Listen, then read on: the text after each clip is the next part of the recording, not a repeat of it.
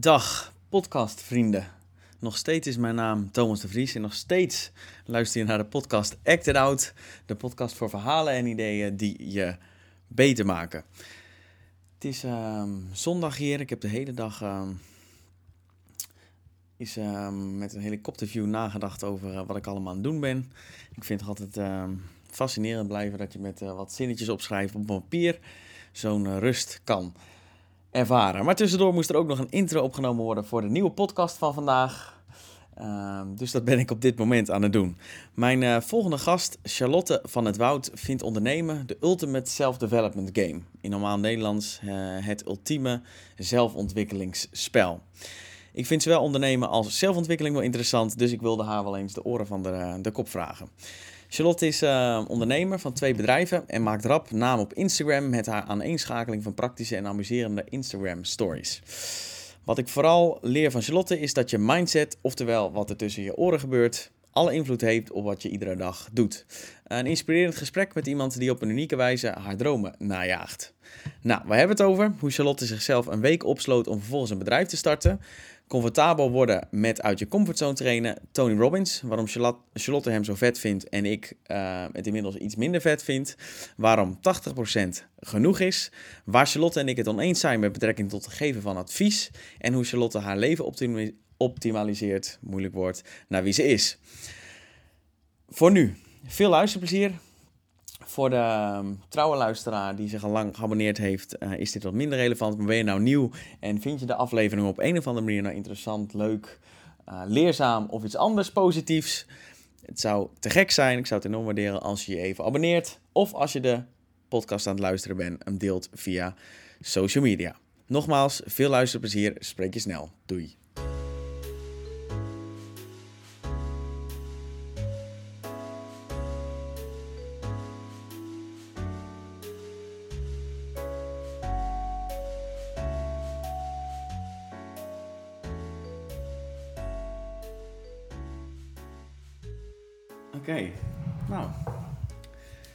Er klaar voor? Jazeker. Ja? Ja. Goed. Ehm zullen we maar gelijk de diepte in gaan? Ja.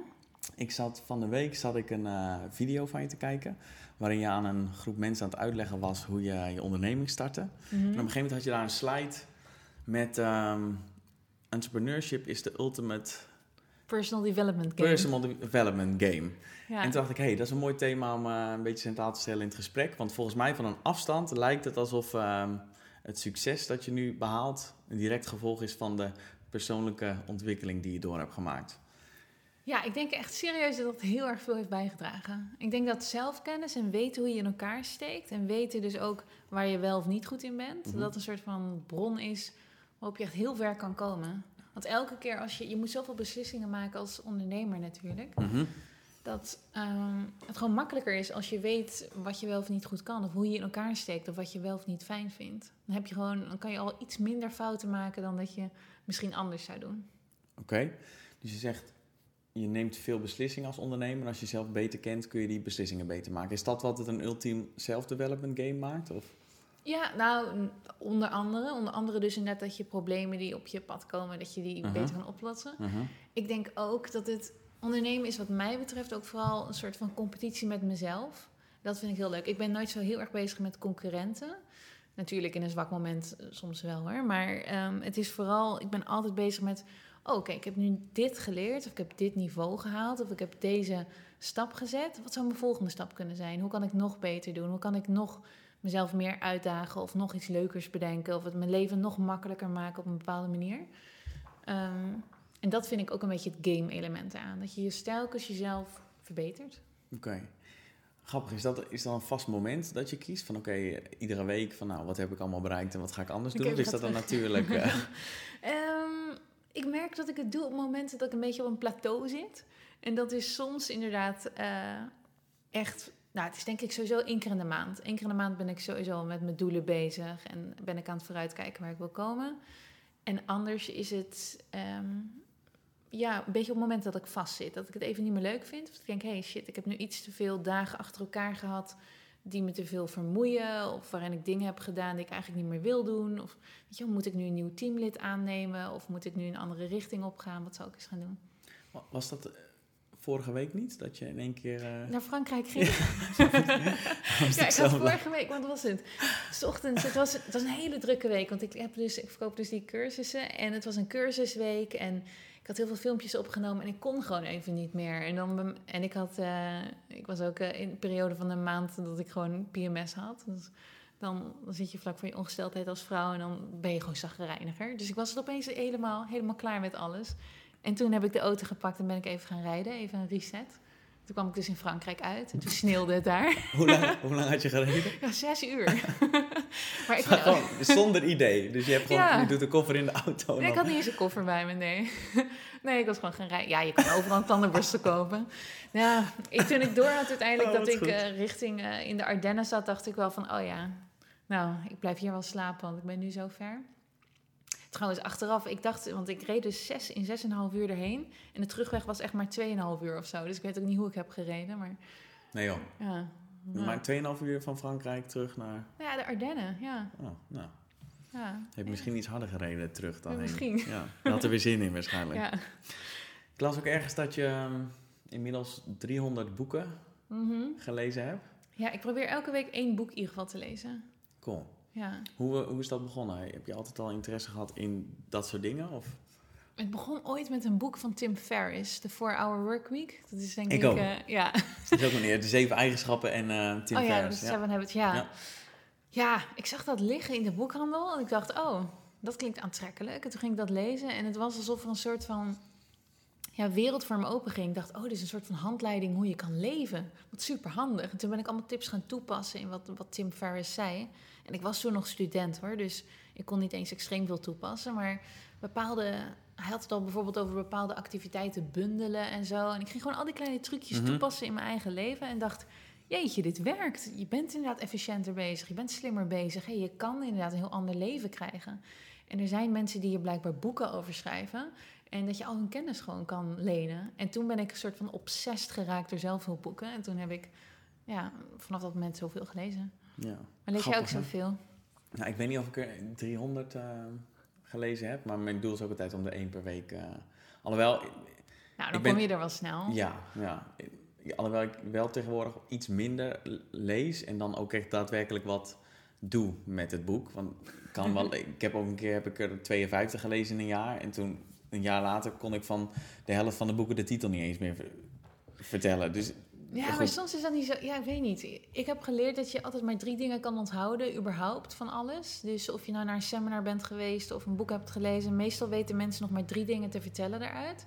Ik heb dat een soort van geaccepteerd. Dat het oké is dat ik zo'n boek. Ik weet van de meeste titels ook niet eens meer precies. eh, nou, de meeste titels ken ik niet eens meer. maar Ik weet heel vaak ook niet eens meer precies wat er nou in stond. hm, Ik denk je in je onderbewuste allemaal toch wel meeneemt. Dat dat ergens gewoon toch van invloed is geweest, ook al kan je het niet meer helemaal exact eh, navertellen. Net zoals school, weet je wel. Ik heb geen idee meer wat ik allemaal heb geleerd precies bij aardrijkskunde. Maar ik heb nu toch wel een globaal idee van hoe de aarde eruit ziet. hm, ja. Dat is mijn hoop. Misschien vertel ik dat mezelf wel. Ja, dat, nou, maar goed, als je dat tegen jezelf... Ik kan alleen nog de lerares herinneren waar ik verliefd op was. Oh, there you eh, Oké, maar eh 300 boeken en Tim Ferriss las je en toen dacht je, hé, hey, als dit kan, wat is dan nog meer mogelijk? Ja, Ja, grappig. Dat soortgelijk. Ik had het in de sp- sportschool, dat ik op een gegeven moment had hele dunne armpjes en ik dacht, ik wil altijd al zo'n gespierde jonge man worden. ja. Dus ik ging naar de sportschool en toen op een gegeven moment begonnen mijn spieren te groeien. Dacht ik, hé, hey, als dit kan, wat kan er dan nog meer? En toen las ik tegelijkertijd ook dat boek van Tim Ferriss en de zeven eigenschappen. Toen dacht ik, ah, blijkbaar kun je dus heel veel dingen ook leren en aanpassen en verbeteren als je dat, eh, als je dat wil. ja. En heb je, ehm, ik weet nu dat je twee bedrijven hebt, Spot en eh Sea Academy. Ja. Ehm, daar ben je geloof ik twee jaar geleden mee begonnen, komen we zo op terug. Mhm. Maar toen ik van die bedrijven hoorde, toen ik je op Instagram ging volgen, dacht ik ja, heel logisch eigenlijk die, eh, die bedrijven. Dat je een huis hebt en dat je dat dan overdag verhuurt. En als je al veel video's op Instagram opneemt, dat je op Instagram op een gegeven moment cursussen. Achteraf dacht ik ja, wat logisch. En mijn vraag is, had je daarvoor ook al ondernemingen gehad? Of waren dit je eerste twee echte ondernemingen? Eh, ik ben altijd freelancer geweest. Dus na de universiteit ben ik bij NRC gaan werken. Maar toen wilde ik al per se niet in dienst. Wilde ik freelancer zijn. Ehm, omdat ik wel altijd al het hele spel van ehm, meer omzet genereren, jezelf ontwikkelen, Mhm. ehm, zelf, zelf kunnen kiezen wanneer je werkt. Dat vond ik altijd al heel leuk en belangrijk. Dus ja, het, het enige verschil was, ik had toen niemand in dienst. Het was dus niet dat ik mezelf, ehm, mijn bedrijf wilde laten groeien. Ik was echt een duidelijke freelancer. Gewoon, ik had ook totaal niet in mijn hoofd nog dat ik, het, dat ik een ondernemer kon zijn met personeel. En pas twee jaar geleden dacht ik inderdaad van, nu wil ik het groter laten groeien. Ik wil geen freelancer meer zijn, maar iets groters opbouwen. En vooral eigenlijk omdat uiteindelijk zit er natuurlijk een limiet aan hoeveel je als freelancer kan groeien. Kan, ik had het soort van helemaal tot in het extreme dat ik heel veel, heel veel verdiende. Ik verdiende iets van 8.000 of 9.000 euro per maand als journalist. Nou, dat is voor de meeste freelance journalisten niet helemaal normaal. Maar ik, kon, ik had mezelf zo efficiënt leren werken en zo ontzettend, ehm I don't know, helemaal geperfectioneerd hoe mijn werkwijze was en wat mijn, wat mijn expertise was. Dat het als een lopende. Maar kon je ging. sneller dingen schrijven? Of kon je, had je meer output? Of had je de juiste klanten? Of? Ja, alles eigenlijk. het is gewoon, eh, ik had gewoon heel erg door wat het spelletje is van ondernemen. Dat je dus hoe je jezelf op een bepaalde manier profileert, daar ben ik altijd goed in geweest in personal branding. En dat zijn de meeste journalisten al niet, omdat ze het niet leuk vinden om zich daarmee bezig te houden. Daarnaast had ik heel scherp gekozen voor bepaalde slimme niches. Dus ik schreef heel veel over persoonlijke ontwikkeling. Dat is ook weer een, een bepaald thema waar heel veel journalisten zich niet echt mee bezighouden op die manier. Die zijn meer nieuwsachtig gericht. Dus Mhm. de, ja, de artikelen die ik schreef gingen allemaal over tips geven. En nou ja, Oké, dus je pakte een duidelijke niche in Ja. hetgeen wat je deed. Dus Ja. op een gegeven moment was jij de persoon voor tips over je carrière. persoonlijke ontwikkeling, en carrière binnen de journalistiek. Ja, ja. Awesome. En dan, en dan was het ook zo... Kijk, als ik iemand interviewde, schreef ik daar gelijk vijf stukken over. En verkocht ik aan vijf verschillende kranten, zeg maar. En dat doen heel veel journalisten ook niet. Die denken dan, nou, dus één interview voor één krant. En ik dacht, nee, die kan je en een interview van maken... en een achtergrondstuk en een leuke column. En nou ja, zo, dus kan je zo, zo kan je jezelf, zeg maar... Dus als freelancer kon ik zo op die manier wel heel goed mezelf al ontplooien. Maar uiteindelijk had ik daar een beetje naar mijn idee... gewoon een soort van plafond bereikt. Mhm. Ehm, En je bent uiteindelijk je eigen bedrijf dan. ja, Dus als jij een keer ziek eh, op bed ligt, dan... als ik geen zin had, gebeurde er ook niks. Ja. Nee. Was het ook een reden? Of? Ehm, mm, nee, nou ik denk wel dat de inkomstengrens was een reden. Ik dacht, ja, ik ga nooit meer dan 10.000 euro verdienen op deze manier in de Hmm. maand. En het leek me best wel leuk om meer dan 10.000 euro te kunnen verdienen in de maand. Ja, kan ik me best voorstellen. Ja. Ja. Oké, dus toen eh, werkte je als freelancer. En toen dacht je, ik wil graag een groot huis in, ehm, in Amsterdam. Ja, Dan wil ik wonen en ik wil zorgen dat iemand anders de huur betaalt. nou ja, ik kon gewoon de huur niet betalen als, eh, als, als, ik er, eh, als ik er zou wonen. Want ik was, het liep ietsje anders. Ik was, uiteindelijk was ik ehm, gaan reizen. Eh, ehm, ik heb anderhalf jaar gereisd als digital nomad. Dus toen heb ik in Bali gewoond, in San Francisco. Wel als freelancer werken nog. Ja, als journalist ook nog, cool. ja.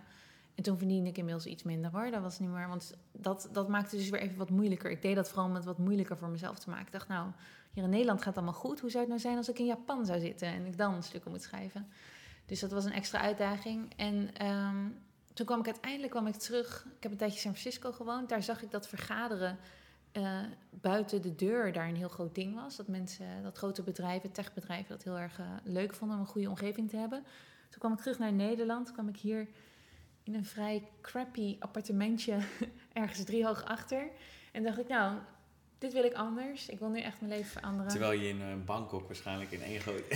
ja, in Azië kan je best wel mooi wonen. Dus eigenlijk gewoon een beetje verwend geraakt. Ik was een klein beetje verwend geraakt. Ja, ja, dat wel echt, ja. Ja, en het is ook gewoon... Ik, besef, ik keek toen de documentaire van Tony eh, Robbins voor het eerst. En ik had natuurlijk al eerder van hem gehoord. Ja. I'm Not Your Guru op Netflix waarschijnlijk. Die, ja. En hij resoneerde bij mij nooit tot opeens dat moment. En hij helemaal zo was van, eh, je kan je eigen leven maken. Dacht ik, ja, damn it, dat ga ik nu doen ook. ik, ga, eh, ik ga een nieuwe standaard voor mezelf zetten. Het is, eh, het is oké met, met wat ik eerst dacht. Vanaf nu gaat mijn leven er gewoon anders uitzien. Mhm.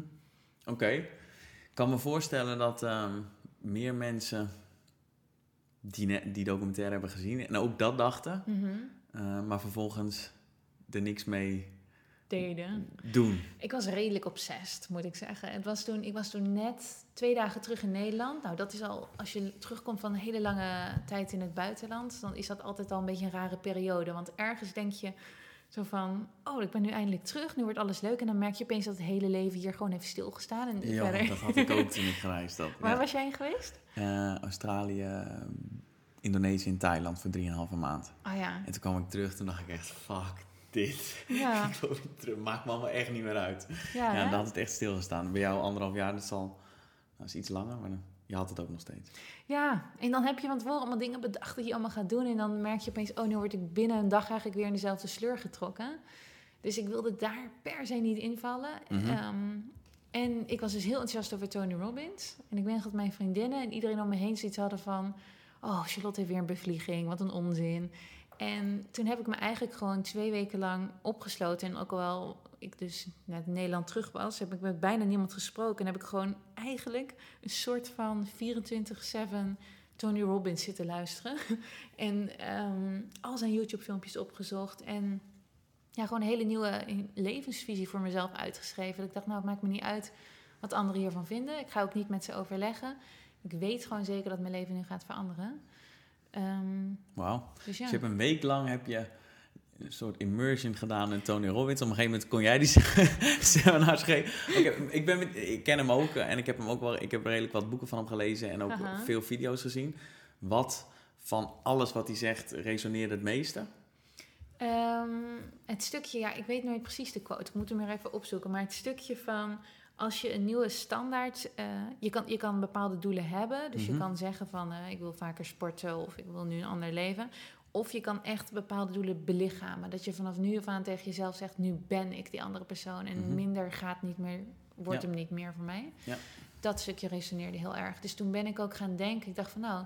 Wat zou iemand doen die dus wel bijvoorbeeld het geld zou hebben om in een heel mooi pand te wonen? Wat zou iemand aantrekken die, die zo denkt? Wat eet zo iemand? Weet je wel, ik was echt mezelf aan het belichamen als de versie van de Charlotte die ik graag wilde zijn, in plaats van de versie die ik was. En ehm, ja, toen maakte ik, ik weet ook nog, ik had onder andere bedacht, het is een heel vrouwelijk voorbeeld waarschijnlijk, maar het leek me heel erg fancy. Er waren vrouwen die dan elke twee weken naar een schoonheidsspecialist gingen om hun wenkbrauwen te epileren. En ik vond dat onzin van het geld en zo. En dacht ik, nou, dat zou ik waarschijnlijk wel doen als ik echt heel erg veel geld had. Dus dan ging ik ook bijvoorbeeld zulke afspraken allemaal al inplannen. Dat ik echt een soort van... Oh, Maar zo druk bij jezelf. eh, ja, ja, ik ging ook inderdaad... Ik had bij een heel chic restaurant gereserveerd. Ja, ik deed gewoon echt net alsof Ja. ik dat allemaal had. Maar ben je ook gegaan of heb je... Ja, ja, maar toen, twee weken later, had ik al, had ik eerlijk gezegd, toen had ik dus ook op al een huis en zo. Dus toen ben ik ook, eh, ja, ik heb het ook wel, ik dacht ook wel, nou, nu moet ik ook wel opschieten dan met het nieuwe leven, want anders heb ik zo meteen, eh, Oké. Klopt het dan dat je gewoon jezelf gewoon, nou niet extreem veel druk oplegt, maar wel gewoon zegt van oké, dit gaat gewoon gebeuren en ik ga in ieder geval zorgen dat ik de dingen doe die, ehm, nou, die ik zou doen als dat daadwerkelijk gebeurd is. Dus je, op een gegeven moment heb, je- heb je toen een huis gehuurd hier aan de, in Amsterdam. Ja, ik ben gewoon makelaars gaan bellen. En ik dacht, nou ja, hoe zou iemand zich gedragen die heel veel geld had... en die dan een huis gaat bekijken? En dan ging ik mezelf ook zo gedragen. No ik had een eh, chique tas bij me. die had ik geleend. Eh, ik had mijn allerbeste kleding aangetrokken. Ja. ja, ik probeerde echt helemaal te belichamen... in de versie die ik graag wilde zijn. En dat ik mezelf veel druk opleg dan... ja, dat deed ik inderdaad ook al een soort Voel je van het ook, voelde je het ook zo? Of ben je niet ehm, zo gevoelig voor druk opleggen bij jezelf? Ik vind het wel lekker om, om onder druk te werken. Ehm, want als ik mijzelf een jaar de tijd had gegeven, eh, weet ik niet of ik nog wel zo gepassioneerd was geweest. Want ik was ook wel echt. Ja, je moet ook best wel, dat vind ik achteraf nog steeds. Je omgeving moet waarschijnlijk heel erg wennen. Als jij een bepaalde stap uit je comfortzone wil doen, of jij kondigt iets heel groots aan, iets wat je wil doen, en zij zien dat niet zo zitten, dan moet je best wel sterk zijn om daar eigenlijk toch mee door te gaan. En voor mij dacht ik, nou, hoe sneller ik dat heb bereikt, hoe eerder zij zullen zien van, oh, oké, Oh. all is good. eh, we gaan Dus weer- jij dacht, ik wil niet tegengehouden worden door mijn omgeving. Dus Ja. zorg ik gewoon dat ik het extreem snel geregeld Ja. heb. Dat ze gewoon geen argument meer hebben. Ik heb uiteindelijk Oh, alles in mijn eentje gedaan. En het, gewoon toen al mijn vrienden gebeld, toen ik het huis had en alles was ingericht en mijn website er was. En ik had klanten voor mijn, voor mijn vergaderlocatie. Ik zei, hey joh, ik woon nu dus in een nieuw huis. het is doorgegaan. Iedereen zo, hè? Kom langs. Ja, iedereen zo, wat de fuck heb je gedaan? Ja, maar ja, het was wel gelukt toen. Oké, wat, wat grappig, joh. Ik, je had namelijk op je ehm, site, zei op een gegeven moment, ja, je moet het gewoon doen. En ik vind gewoon doen, vind ik altijd e- een, een mooie uitspraak. Just een do it van, van eh, nee, van Nike. Het is Ja. gewoon echt zo. Ik denk dat dat de belangrijkste of de beste slogan ooit is. Just do it. Ja. Alleen, het is namelijk niet gewoon doen, zeg maar. Dus een van mijn vragen was ook, hoe zorg je dat je gewoon doet? Nou, dan is dit waarschijnlijk een voorbeeld. Dat je zelf gewoon... ehm, Onder druk zet. ja, ja, zo zou jij het misschien niet zien. Ik krijg het al warm als ik eraan denk. Hoe, hoe lang was de periode van eh, dat je jezelf een week hebt opgesloten tot aan eh, dat je je eerste klant had met eh, je pand? Ja, een week. Dus Echt een week. Dus ja, ja, ik- ja, ik keek Tony Robbins. Twee dagen later was ik met die makelaar huis aan het bekijken. Een dag later zei ik ja tegen het huis. Eh, en een week later of zo kreeg ik de sleutel. Maar toen had ik al lang een klant geregeld. Dus ik had al een klant naar binnen gehaald op het moment dat ik nog geen sleutel van een pand had. Ik had gewoon een site gemaakt. Had ik allemaal stokfoto's opgezet. En toen heb ik een klant gemaild zegt... joh, komt een hele mooie nieuwe vergaderlocatie aan. Hij opent zo meteen. Hebben jullie een vergaderlocatie nodig? Mag je van mij gratis in? Dit is de site. De foto's zijn nog even stokfoto's. Want de fotograaf is nog mee bezig. Maar wauw, ja, wat lachen. ja. Ook wel ja, een goede manier om gewoon eerst te testen of er überhaupt eh, behoefte is in de markt. Voordat je het ook daadwerkelijk Ja, het was niet echt als marktonderzoek bedoeld hoor. Ik dacht Nee, meer van... dat heb ik door inmiddels. ook. Ik moet gewoon even snel handelen. ja, je moet, ik geloof wel een beetje in bluffen aan het begin. Mhm. Je moet gewoon, je moet wat dat betreft gewoon lef hebben. En ik geloof nooit in oneerlijkheid. Ik hoef niet, eh, ik heb nooit, nooit echt gelogen of zo. Dat zou ik ook nooit iemand aanraden.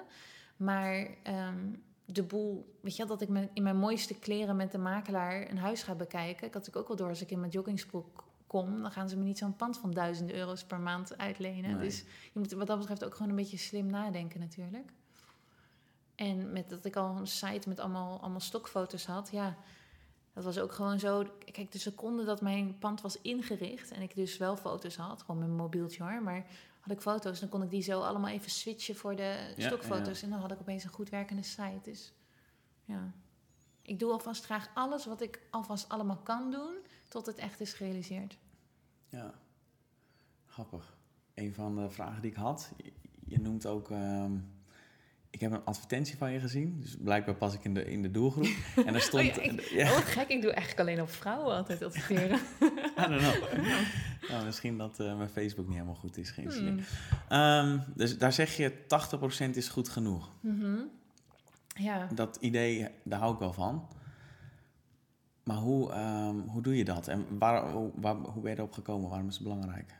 Ik kom uit een best wel perfectionistische familie. Oké. En ik was vroeger ook perfectionist. En ik vond het ergens wel een soort van tof dat ik dat was. Dacht ik, oh ja, dat is, weet je, dat zeggen mensen natuurlijk ook bij een sollicitatiegesprek als nadeel aan zichzelf. Van, oh ja, ik ben wel een beetje perfectionistisch. En dan hopen ze eigenlijk dat de baas denkt van, oh, nou, dan moeten we die hebben als dat er enige nadeel is.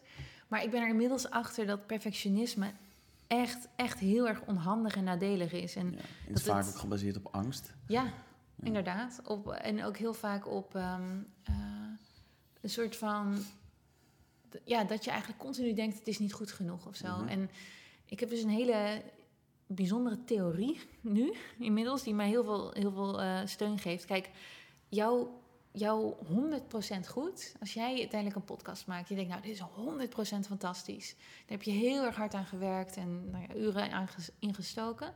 Misschien zegt jouw grote podcastheld, hoe heet die nou? Joe Rogan. Ja, misschien als hij jouw podcast zou luisteren, zou hij denken, nou, leuke podcast, maar het is niet mijn 100% goed. Zijn 100% goed is heel anders. En Nou, dat zou ik, niet gebeuren, maar... je, je weet maar nooit. Nee, nee.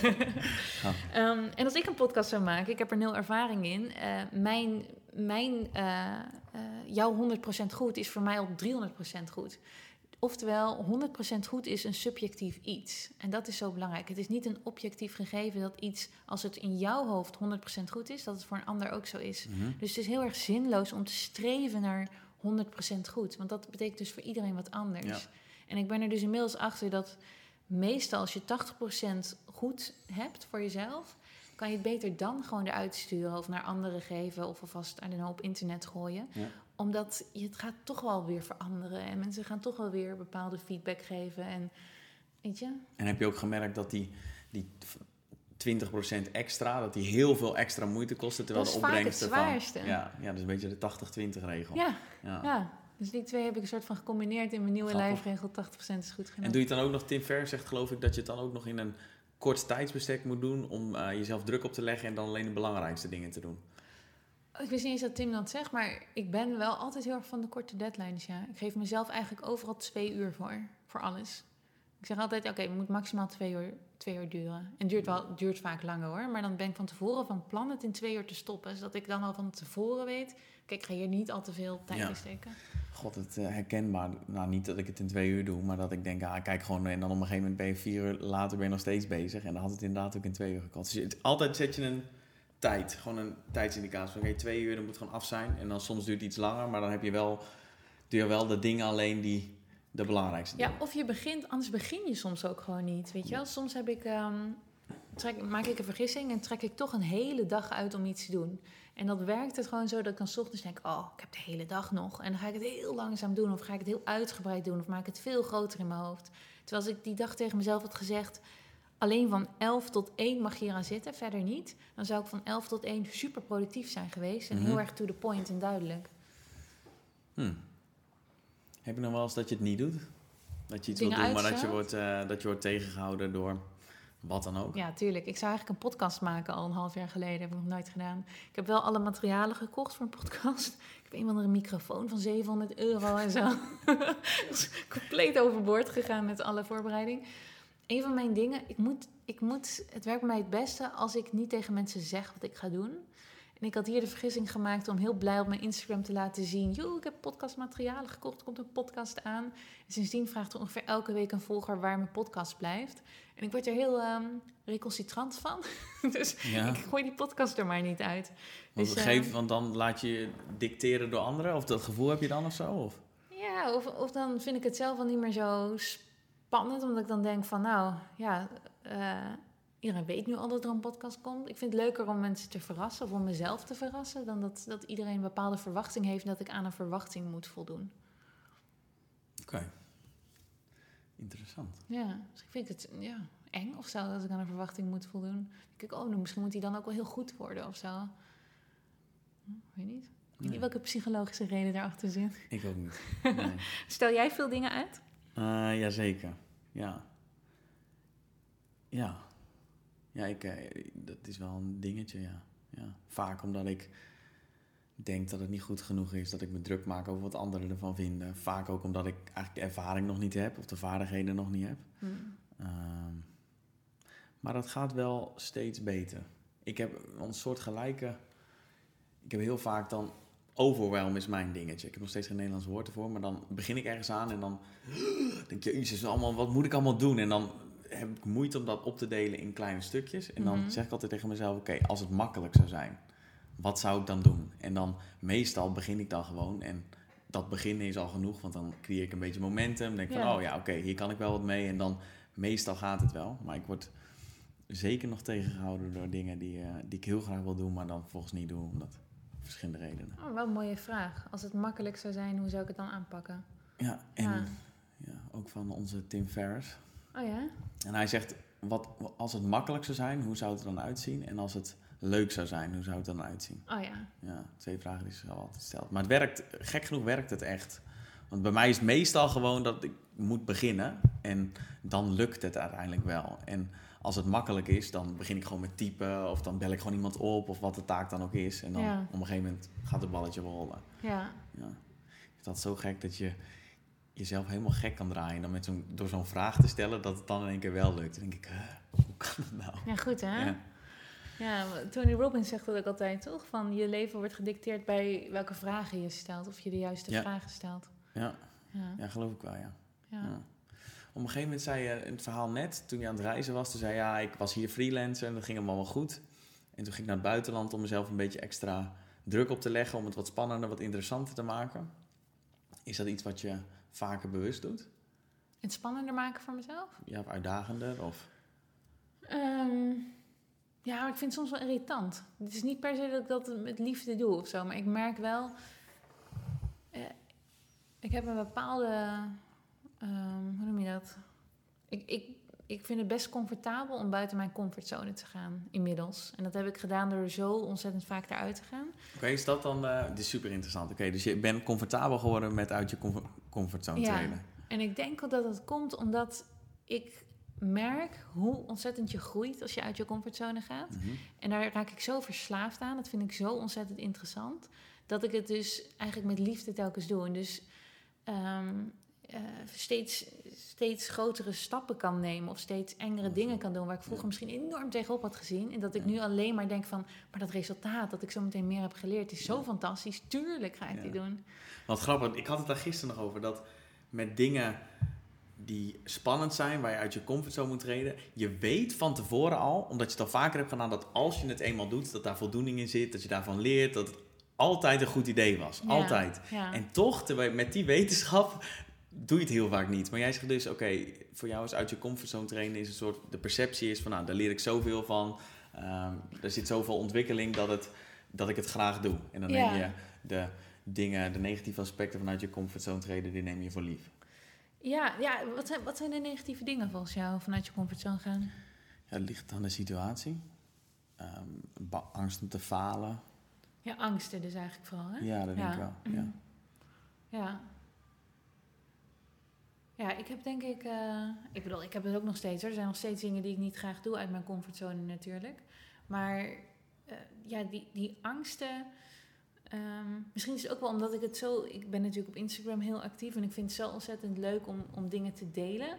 Dat duwt me nu ook soms wel eens nog over een comfortzone makkelijker heen dan toen ik misschien alles in mijn eentje eigenlijk nog deed dat ik nu ook denk van oké, maar ik ga hier zoveel van leren en dan kunnen mijn volgers kunnen meeleren en die kunnen daar ook van profiteren. Dat ik ook het nog eens het gevoel heb van dan heeft het nog meer zin als ik faal. Want dan kunnen er in ieder geval heel veel andere mensen met me Ja, meekijken. grappig. Een Ja. stukje accountability voor de mensen die je dan... Ja, of een stukje misschien nog meer zingeving aan falen geven of zo. Weet niet. Klinkt te plausibel. Ja. Ah. Ehm, even terug naar Tony Robbins. Je zei, eh, voordat de microfoon aanging, zei je dat eh, je niet zoveel naar Gary Vaynerchuk luistert, omdat je die vooral, vooral hustle en hard werken en dat je daar een beetje zenuwachtig van wordt. Datzelfde heb ik, heb ik, ik Tony Robbins vind ik ook echt een geweldenaar, echt een, eh, nou ja, artiest bijna als hij die, als die, die dingen doet. Dus ik heb ook alles van hem gelezen. Maar ik heb, ja, hij heeft het heel vaak over pain en pleasure. Dus als je iets wil, dan moet je of ehm, ehm, de pijn voelen en dat je dat niet wil, of je wil heel, heel graag de opbrengst, dus de pleasure Ja, hebben. Ehm, maar ik vind dat hij altijd zo zit op het gat tussen wat er nu is en wat er moet zijn. Dus hij leeft daar. Als dat gat maar groot genoeg is, als je dat echt voelt, dan ga je wel over in actie. En dat doet hij bijvoorbeeld door te visualiseren. Nou, dat heb ik anderhalf jaar gedaan. Dat ik nou, over anderhalf jaar ergens op een gat in Bali zat in een villa. Ja, ja. en anderhalf jaar zat ik nog steeds op mijn studentenkamer te zwoegen om... eh, ja, ik, word, ik werd daar echt niet vrolijk van. Ik had dat, visualiseren. ja, gewoon constant, ehm, constant focussen op het wat er nog niet is, zeg maar. In plaats van dat het gewoon oké is nu. En dat Oh, je zo. focust op je progressie en hoe je het verschil tussen wat je geleerd hebt ten opzichte van, nou ja, een dag van tevoren. Of, Ja, ja, ik snap wel wat je bedoelt. Ik denk dat hij daarin, eh, in zijn seminars hamert hij daar ook heel erg op. Ben je wel eens naar een seminar van hem geweest? nee, Oh ja. het kost echt een godsvermogen, toch? Eh, ja. ja, ik praat nooit zo over prijzen. Ik, ik, ben, ik heb een Maar ik, money mindset dat ik probeer nooit te zeggen dat dingen duur zijn. Maar ja, een paar Oh ja, duizend is dat euro. een? Ja. Ja? Ja, ja, ik, ja. ik vind het. eh, ik, ik vind namelijk, want ik, ik betaal met liefde die eh, duizenden euro's daarvoor. Het komt 10, 20 keer naar me terug, zeg maar. Op het moment dat, dat, dat ik daar inzichten op doe die me weer heel veel verder helpen. ja. Dus ik vind wat dat betreft, over persoonlijke ontwikkeling kan me eigenlijk nooit, eh, is geen enkele prijs mij te veel. Maar ik snap wat je bedoelt met dat hij heel erg hamert op nu is de situatie slecht en zometeen wordt hij beter. En hoe ga je, dat, hoe ga je daar komen? Hè? Dat bedoel je? Ja, hij, volgens mij, tenminste dat hoe ik het ervaar. Als ik, als ik het lees, dan hij focust zich vooral op. Als je maar lang genoeg focust op wat er niet is en je wil die opbrengst wil je heel graag en je ervaart heel veel pijn van dat de situatie niet is zoals die wil, Mhm. dan komt het uiteindelijk wel goed. Maar dan ben je constant bezig met wat er niet is.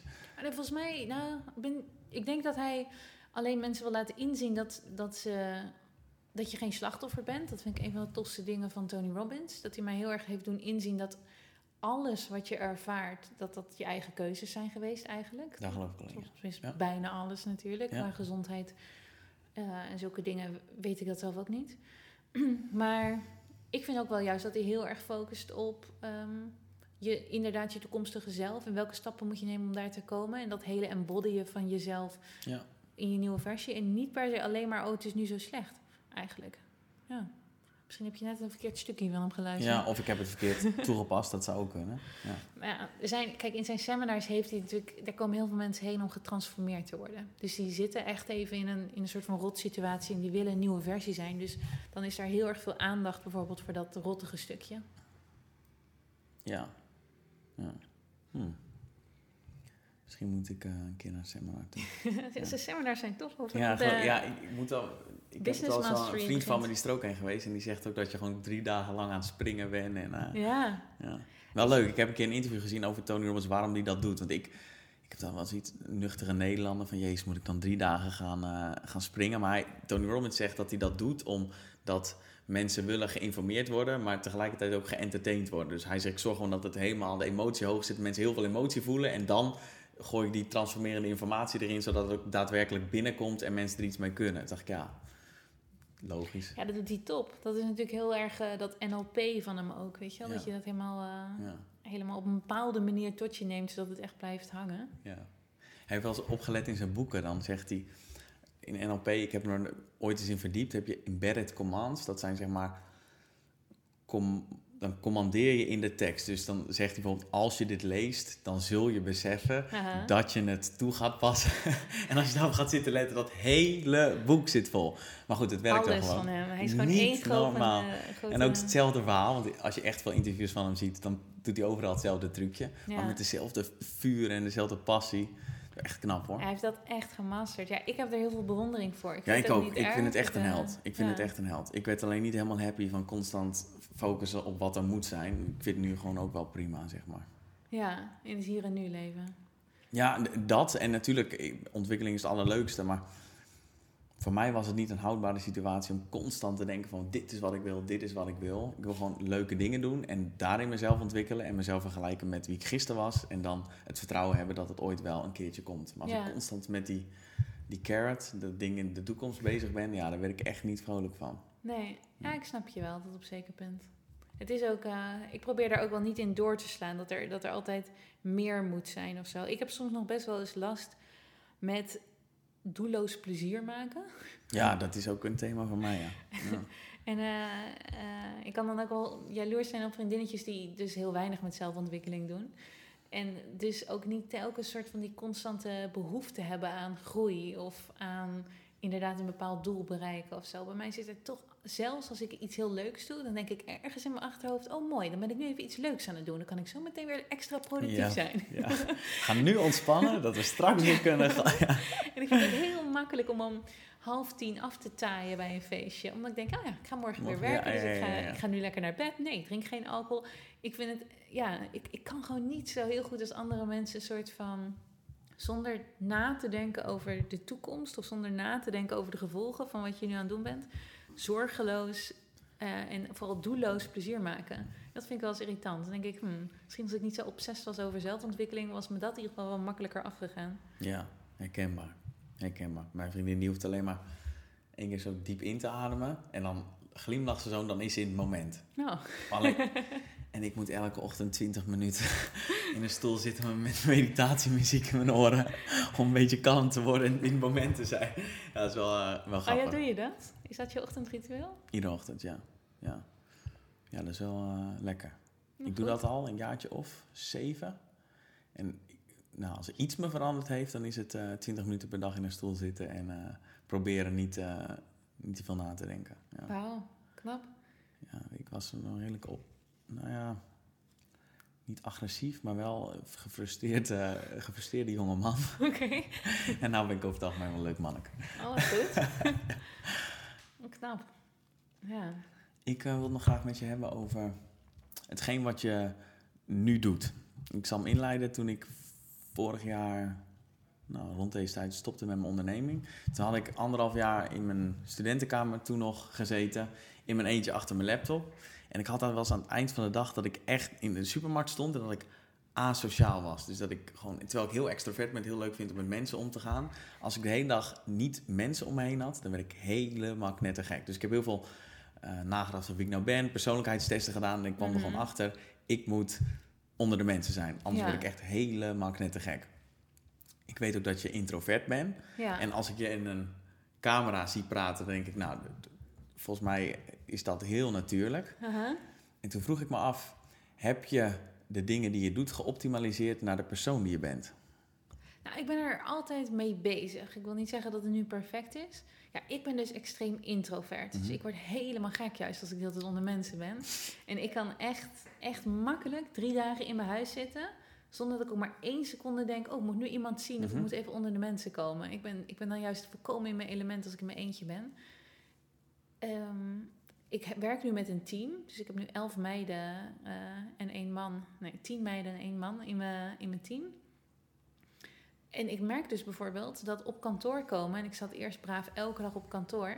dat vind ik echt heel zwaar. En ik ben echt helemaal gek op mijn team. Maar het, het put me gewoon echt uit om continu onder de mensen... en zelfs dus onder, onder de mensen die dichtst bij mij staan te Ja. zijn.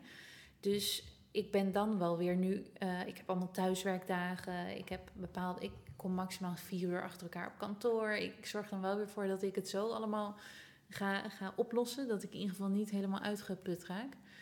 Ehm, ik, ja, Is dat iets waar je ehm, probeert een beetje praktisch te maken? Is dat iets wat een proces is geweest, dat je jezelf ook hebt moeten leren kennen in die zin? Nou, ik of? wist heel lang niet het verschil tussen introvert en extravert. Ik dacht eerst dat extravert gewoon betekende dat je, dat je leuk kon zijn met mensen. En introvert dat je heel verlegen was. En hoe, hoe zou je het nu Nou, ja, want het heeft daar dus niks mee te maken. Want ik ben bijvoorbeeld helemaal niet verlegen. Het heeft alles te maken met waar je energie vandaan ja, haalt. ja, ja, ja. En waar je, als je extravert bent, haal je dus energie uit andere mensen. Dus als jij moe uit je werk zou komen, zou bij jou de kroeg induiken en een biertje gaan drinken met vrienden, zou helpen. Als ik moe uit mijn werk zou komen, moet ik juist in mijn eentje op de bank zitten. Want ik haal dus energie uit mezelf alleen. Dus sinds ik dat weet, dat heeft wel een heel groot verschil gemaakt in hoe ik mijn dagen bijvoorbeeld plan. Dus 's ochtends heb ik nooit sociale afspraken. We hebben nu dit podcast-interview ook om half drie. Omdat als wij dit om tien uur 's ochtends hadden gedaan, was ik daarna helemaal moe geweest, kon ik niet meer werken. Want het is toch wel, weet je wel, je bent toch anderhalf uur aan het praten. Mhm. En ik krijg dus niet per se energie ervan, ik word er moeier van. Dus zo, ja, zo ben ik wel heel erg bezig met hoe ik mijn dagen indeel. Op vrijdag ehm, coach ik. Ik coach vrouwelijke ondernemers. En eh doe ik ook maar eentje per week van hoor. Maar die is ook bewust op vrijdag. Zodat ik dan daarna het weekend heb om een soort van bij te komen. En ik klink nu echt als iemand die totaal geen menselijk contact aan kan. En dat is, echt, dat is ook helemaal niet zo. Maar ik weet wel hoe ik optimaal presteer. En dat is dus wel ehm, ja, met allemaal zulke regeltjes. Ja. En is dan in een camera praten wel comfortabel voor je? Ja, dan ben ik gewoon in mijn eentje in de woonkamer natuurlijk. Ja. het is zo grappig, want als ik, ik doe het wel eens. Ja. Ik heb ook wel eens een video opgenomen van drie minuten. En daar heb ik dus anderhalve dag over gedaan. Oh nee. Gewoon omdat ik het... Ik vind het zo raar om in het luchtledige te houden. Terwijl als ik met mensen ben, het boeit me echt geen... Als je dan een camera voor mijn neus zit, interesseert me echt niet. Oh. Maar als ik in mijn eentje... Het is zo grappig hoe dat dan... eh. Maar daarom was ik ook eh, nou, benieuwd of... Hoe je je dag indeelt. eh, dat je dat optimaliseert naar, nou ja, gewoon wie je bent en wat je, wat je fijn vindt. Maar Ja. dat blijkt dus wel in die zin zo te zijn. Ja, ja nee, ik let daar wel echt heel erg op. Ik heb dus nu ook sinds kort een PA. En ik ben er helemaal gek op. Want nou, door Instagram onder andere krijg ik gewoon heel erg veel mailtjes en verzoeken voor samenwerkingen of in de, nou ja, podcast interviews. En ik was daar eerst ook altijd natuurlijk zelf elke keer aan het selecteren. Oké, dit wel, dit niet. Maar ook dat, dat zijn allemaal dingen waar ik me eigenlijk liever niet mee bezig wil houden. Ik Mhm. wil me bezighouden met het ontwikkelen van mijn bedrijven. En dat staat bij mij gewoon altijd op nummer één. Dus dat ik nu iemand heb die als een soort van sociale buffer tussen mij en de rest van de wereld fungeert. Het is zalig. Ja, Ik hoef top, niet ja. meer af te spreken over welke tijdstippen werken. Ik hoef niet meer kennismakingskoffietjes te doen en zo. Dat laat ik allemaal Karsten eh, doen. En die vindt dat geweldig, want die is heel extravert ook. Dus eh, ja, zo probeer ik wel ook bij elk, elk van mijn teamleden te kijken... waar krijgt iemand energie van, waar is iemand goed in? En dan ga je dat vooral doen. Nice, Ja, nice. Ehm, ik wil een vraag stellen, maar... Oh ja, wat is de vraag die het meeste krijgt van mensen? Ehm, Je zegt dat je veel mailtjes en berichten krijgt. Oh ja, nee, dat gaan dan. Ja, Instagram is natuurlijk. ehm, een beetje een dingetje. Dus dat gaat heel veel om samenwerking. Oké, en als je gewoon persoonlijke vragen krijgt van ondernemen, want je, je coacht ook vrouwelijke ondernemers. Ja. Ik denk dat de vraag die ik het meeste krijg toch altijd wel is ehm, hoe ik het hoe ik ben begonnen met ondernemen. dat hele, want dat is voor mensen natuurlijk de grootste stap. Om, om te stoppen met wat ze nu doen en dan die sprong te wagen naar het ondernemerschap. Dus uh, daar vertel ik altijd veel over. En wat is je antwoord dan als mensen dat vragen? Ja, dat het toch met mindset dus te maken heeft. Ik geloof echt dat je mindset, en dat is natuurlijk een beetje een vage term soms, maar dat zijn je gedachten, je overtuigingen en de dingen die je zegt dat die zo bepalend zijn voor alles. Ja, het is alles. Echt al. Je hebt hier een quote aan de muur hangen. Your mind is a powerful thing. When you fill it with positive thoughts, your life will start to change. En, en dat geloof ik echt. Alles wat jij in je hoofd denkt, dat, dat wordt realiteit. Dus op het moment dat je denkt, ondernemen is eng... of um, ik vind het een te grote stap of het is onzekerheid... dan ga je het ervaren als eng en onzekerheid. En op het moment dat je het gewoon eigenlijk niet zo'n big deal maakt... Eh, wordt het ook niet zo'n big deal. Ja. Daar kan ik, uh, daar is geen spel tussen te krijgen. nee, eens. Ja, grappig. Oké, dus dan zeg je tegen mensen van je mindset is alles. En doe je dan een aantal boeken aanraden? Of? Ja, ik heb een lijstje met favorieten op mijn, uh, op mijn site. Ik zag het staan, ja. Ja. Um, Tony Robbins. Tony Robbins, You Are Badass van uh, Jen Zero. Die vind ik ook echt uh, vind ik een topboek. Um, ja. ja. Kijk, uiteindelijk is het ook gewoon nou, het, wat ik altijd eigenlijk zeg, ik adviseer geen advies te vragen. Want dat is volgens mij degene waar heel veel mensen zich willen laten tegenhouden. Ze willen iets doen en ze vragen dan aan de mensen om hen heen om advies. Moet ik dit doen? Past dit bij me? Zal ik dit doen of zal ik A of B kiezen? Maar die mensen om jou heen, dat zijn niet de juiste mensen om advies aan te vragen. Dat zijn je vrienden en familie. Ze houden van je. Ze, ze willen niet dat jij faalt. Ze zijn bang dat jij uit je comfortzone gaat en het vervelend gaat worden. Dus die zullen altijd met advies komen wat jou waarschijnlijk in je comfortzone houdt. Ofwel ze projecteren hun eigen angsten en zorgen op je. Ja, en ze hebben het meestal, de mensen aan wie je het vraagt, hebben het zelf niet gedaan. Dus dan kun je ook afvragen wat hun advies waard is. Ik probeer alleen maar te luisteren naar adviezen van mensen die inderdaad hebben bereikt wat ik graag wil bereiken. En alle andere adviezen, die gaan bij mij echt ene oor in, andere oor uit. Ik luister bijna nooit naar adviezen. Frustreert dat? Dat mensen je advies proberen te geven of zeggen dat niet kan? Of... nou, ik krijg heel veel ongevraagd advies altijd op mijn Instagram natuurlijk. Ik krijg iets van 200 berichtjes per dag van mensen die meekijken met mijn leven en daar 100 meningen over hebben. Ik ben inmiddels eroverheen dat het frustreert. Alleen als ik zaggerijnig ben, dan, uh, dan, dan nog wel eens. Ja, doet het je wat. Ja. Oké, de, de, de, mensen bemoeien zich ermee. Dus zeggen ze, ja, dan moet je dit zo doen of zo. Nou, ik, heb, ik heb echt vooral echt alleen maar ontzettend leuke mensen hoor. Dat, dat wel. Ik heb ook bijna geen haters op Instagram. Dat wilde ik vragen. Heb je haters? Ik heb dus nooit... Ik wil het heel graag. je wil een hater? Ja, dat lijkt me te gek. Dan gaan ze iets zeggen en dan... Ja, nee, eh, weet ik veel wat ze bij mij zouden zeggen. Ja, je hebt flappen horen. I don't know. Weet ik veel. Maar het lijkt me dus best wel leuk om... Uh, ik weet niet of het heel veel leuk is, maar heb je er wel... Uh, ja, ik, ja, natuurlijk. Ik heb wel af en toe iemand ertussen zitten. Op het moment dat ik over geld praat op mijn stories... dat is eigenlijk het moment waarop ik de meeste haat krijg. Um, maar nee, het zijn meestal echt alleen maar ontzettend lieve dingen. Maar wel veel goed bedoelde adviezen natuurlijk. Maar vaak weet ik dat dan zelf al wel. Of dan vertel ik over iets en dan komen ze met een boek aangedragen. En dan denk ik, ja oké, maar natuurlijk ken ik dat boek al wel. Want dat is een enorme bestseller. Maar dat is hartstikke lief bedoeld. En ik snap het ook, want ik geef ook de hele tijd advies op mijn Instagram. Dus ik vind het super lief dat mensen het proberen terug te geven. Ja. Oké, ja, grappig is dat. Ik... Um had het ook toen ik mijn onderneming begon een aantal jaar geleden. Het is toch gek dat mensen altijd advies geven ook over ondernemen. Terwijl als ik accountant zou zijn, dan zou er niemand zeggen... Ja, misschien moet je de boekhouding een keer iets anders doen. Dan, of als je advocaat bent, zeg ja, misschien moet je een keer zo straf pleiten. Dat, maar als het onder ondernemer gaat, zijn er in één keer, heeft iedereen of zo daar een mening over. Alsof het iets is wat iedereen kan en, en op dezelfde manier doet. doet. Ja, ook nog, het is ook nog eens dat er meerdere wegen naar Rome leiden. Ja. Nou ja, ik merk het zelf ook hoor. Ik ben, ik ben ook altijd te pas en te onpas ga ik mensen advies geven. Omdat ik dan denk, hier hebben ze heel veel aan. Maar dat slaat natuurlijk helemaal nergens op. Dus ik probeer me ook in te houden. Ja. Alleen op mijn stories, daar geef ik zoveel advies als ik wil. Want het zijn mijn stories. Het zijn jouw stories, ja. Iedereen kan... Je kunt Ze kunnen me gewoon muten. Ja, ja, wat echt prima is. Oké, dus je, als je het over geld hebt, dan krijg je kritiek. Ja. Vorige week had je toevallig hè, een rant over... Toevallig de... een rant over geld, ja. Wat was de... de aanleiding was toen, ik, uh, er was een berichtje van een ondernemer. En zij schreef: Ja, ik heb, eh, ik heb dit, eh, dit uitgebracht, maar ik hoef hier geen geld eh, aan te verdienen hoor. Dus ik hou de prijs laag. En ik weet niet meer, het, triggerde me op een bepaalde manier. En ik raak, het was echt een rant. Ik was ook gewoon een beetje zagrijnig. En toen heb ik dus gezegd, en dat, daar sta ik ook nog steeds heel erg achter.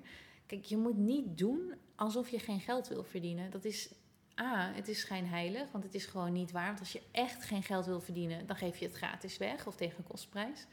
Maar het is ook nog eens gewoon heel onverstandig om op die manier je te gaan profileren in de wereld. Ik vind niet dat je een goed voorbeeld geeft. En ik denk zelf dat de mensen dat doen uit een soort van angst. Ze zijn bang dat mensen om hen heen er wat van vinden als ze een hogere prijs voor een product vragen. En dat daar een soort van oordeel op zit. En dat willen ze vermijden. Daarom zeggen ze maar: Oh, maar ik hoef geen geld te verdienen hoor.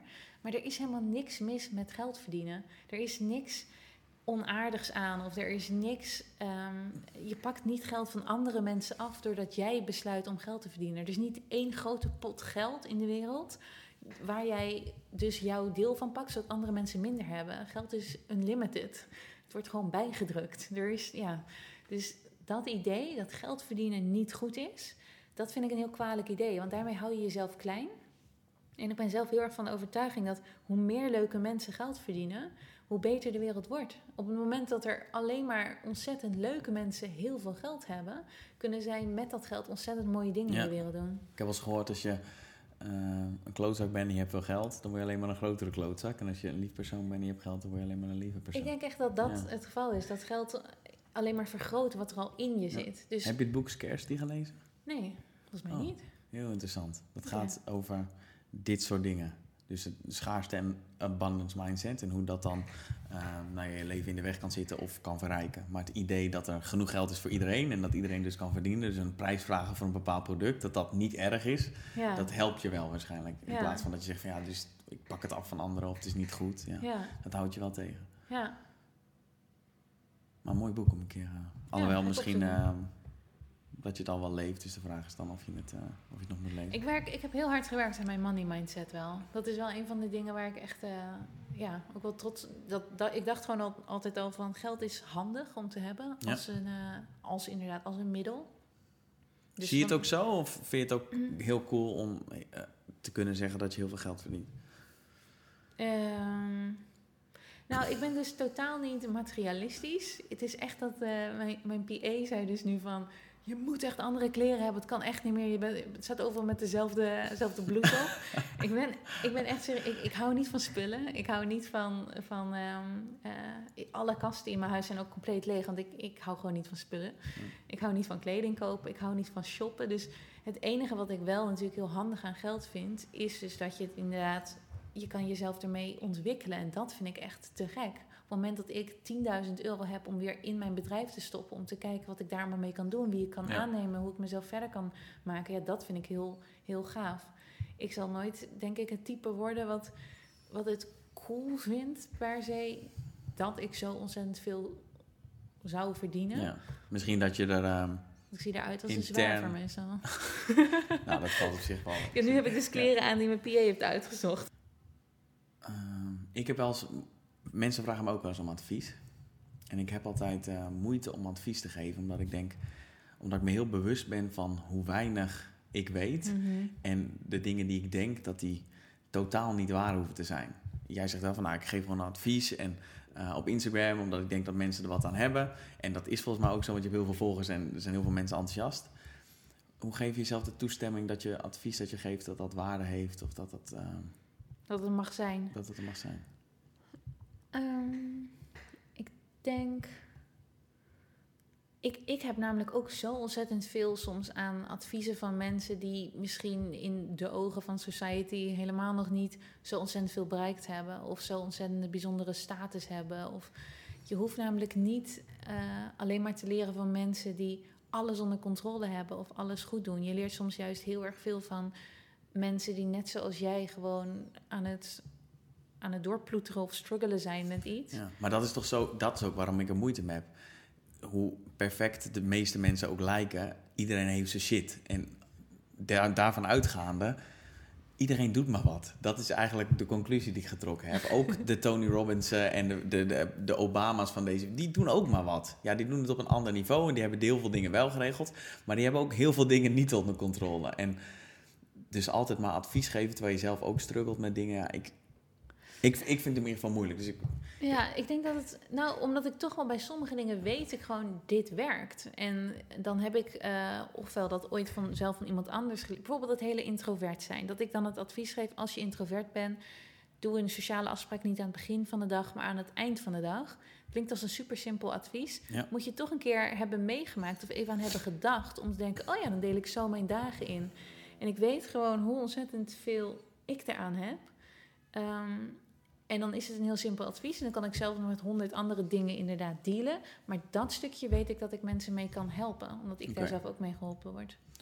Ben je dan wel bewust van het advies dat je geeft? Dat je niet gewoon alles er maar uitgooit? Of? Nou, het vreemde is, soms geef ik helemaal niet echt specifiek advies of zeg ik iets en dan vinden mensen dat inspirerend of dan halen ze daar helemaal hun eigen ding uit, wat mhm. ik helemaal nooit zo had bedoeld. Bijvoorbeeld, ik krijg best wel vaak iets van, oh, zo bedankt dat je dit of dat laatst zei, door jou heb ik mijn baan opgezegd, of door jou ben ik dit begonnen, of door jou is dit of dat gebeurd, denk ik, wow, dat had ik nooit bedoeld.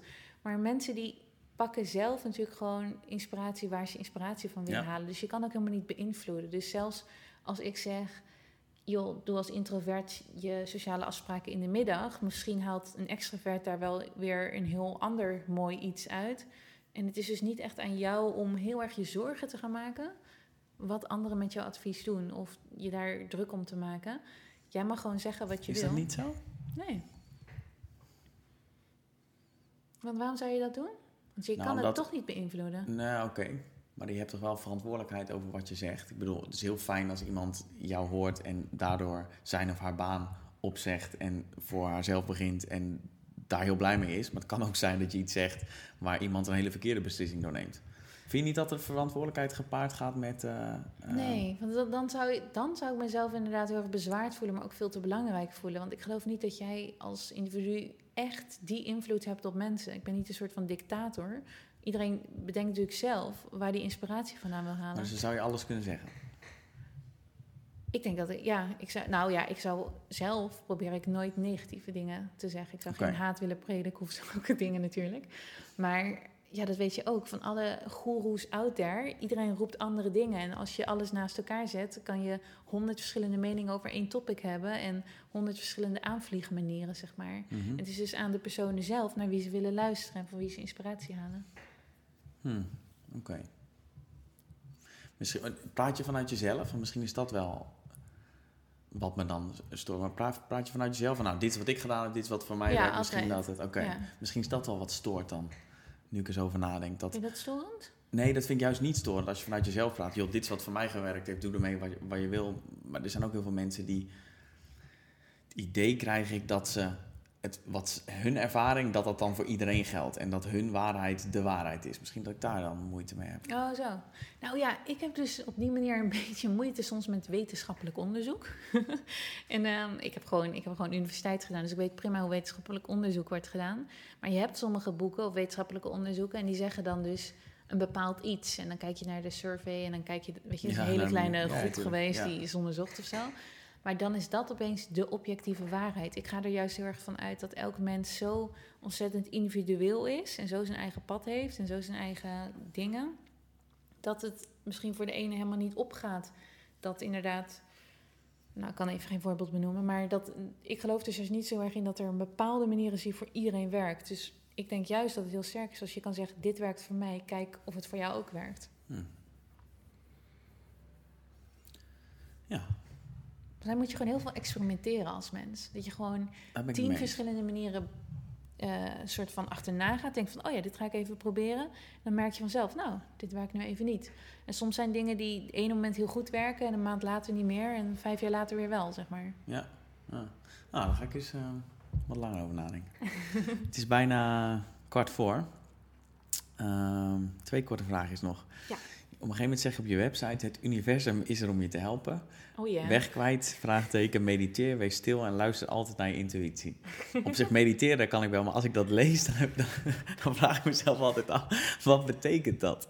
Het universum, universum is er om je te helpen en luister naar je intuïtie. Hoe, hoe, want ik denk dat ik de kern snap, dat de antwoorden toch wel, dat je bij jezelf kunt halen de antwoorden, maar is dat iets wat je bewust doet of zo? Ga je dan wandelen en dan het gesprek met jezelf aan? Of? Ja, ja. ja, ik ben wel heel zweverig. Nou, als ik dat lees, dan, dan nou, dit valt nog wel. Ja, dus enigszins Nee, ik ben, nee, ik dat ben wel echt heel zweverig, ja. Cool. Ja, ik geloof echt Dus dan valt dit nog eh, mee. Ja joh, dit is een Ah, heel, eh, heel eh, mild zinnetje nog. Ehm, ik geloof echt oprecht dat we hier allemaal op aarde zijn met bepaalde missies en doelen. En dat, het, dat je hier op aarde bent gebracht met een bepaalde ziel die zich moet ontwikkelen en zo. En dat het universum, en daarmee, dat kan je ook invullen als een god, of nou ja, hoe je dat ook wil noemen. ehm, dat die, dat er is voor jou. Dus wat, wat Tony Robbins ook zegt, het leven gebeurt voor jou alles wat, wat je tegenkomt in je leven is om jou verder, verder te helpen en om je bepaalde lessen te leren. En dat vind ik zelf een hele chille gedachte, om op die manier naar het leven te kijken. Omdat je dan dus eigenlijk ook niet heel gefrustreerd of boos hoeft te zijn dat bepaalde dingen op je pad komen. Want dan denk je gewoon, oké, blijkbaar moest ik dit leren. Gaan we doen. Dat je die... Dus je kijkt anders met een andere bril. In plaats van, fuck, gebeurt het nou weer bij mij? Denk ik, oké, wat kan ik ervan leren? Ja, en altijd dat in, in je achterhoofd gewoon het idee van... maar alles gebeurt omdat het beter voor mij is. Dus dat, eh, ja, dat bedoel ik eigenlijk met dat universum. Hm. Ik, ik, ja, die slachtofferrol of denken dat, dat het leven tegen zit... of dat het altijd maar jou overkomt en dat je zo'n pech hebt en zo... dat is denk ik helemaal geen helpende mindset. Nee, en voor mij helpt het dus enorm om te denken... alles wat er met mij gebeurt, alles wat ik ervaar... dat gebeurt omdat het uiteindelijk een positief effect op me gaat hebben. Ik ga ervan groeien. Awesome. Voordat ik mijn laatste vraag stel, in lijn met wat je net zei, waar kunnen mensen jou online vinden? Ehm, op Instagram dus vooral. Tenminste, er zijn meer eh, plekken, maar Instagram ben ik heel actief. Dus ik heb elke dag stories. Ik vlog mijn hele leven zo'n beetje. En dat is op Celine Charlotte. Celine Charlotte. Ik zal het in de show notes zetten. Oké. Thanks voor het gesprek. Ja, Ik leuk. vond hem oprecht eh, erg leuk. Ik moet over heel veel dingen nog een keer nadenken, maar ik weet zeker dat er eh, zowel voor mij als voor luisteraars heel veel mooi inzicht in zit. cool. Dus thanks. Nou, vond ik ook van jou. Dankjewel. Wat is jouw definitie van een goed leven? Hmm. Ik denk dat het bij mij dan toch altijd wel uitkomt dat je blijft groeien. Dat je veel, veel, veel kan delen en dat je ehm, het gevoel hebt dat je er, dat je, even denken hoor, goed leven. Ik denk, ja, eigenlijk bij mij is al dat groeien. Dat is het voor mij al genoeg eigenlijk. Dat je gewoon elke dag opnieuw weet van... hé, hey, ik ben weer een beetje gegroeid. Dat is voor mij... eh, op, zo'n moment ben ik het gelukkigst. Cool. Thanks. Zo, dat was hem weer. Ik hoop dat jij het luisteren net zo leuk vond als dat ik het vond om Charlotte te interviewen. Ik ehm, stak toch weer een hoop op en besef me elke keer hoe leuk het is om verschillende verhalen van verschillende mensen te horen. Iedereen met weer een eigen, hele eigen manier van eh, nou ja, invulling geven aan de dingen die ze doen. En ehm, het is te gek om al die mensen te mogen spreken en te leren wat ik van ze kan leren. Ehm, ja, wat wil ik nog zeggen? Oh ja, vergeet je niet te abonneren als je dat nog niet gedaan had. Of de aflevering eventjes te delen op social media. Thanks voor het luisteren nog een keer en eh, spreek je snel.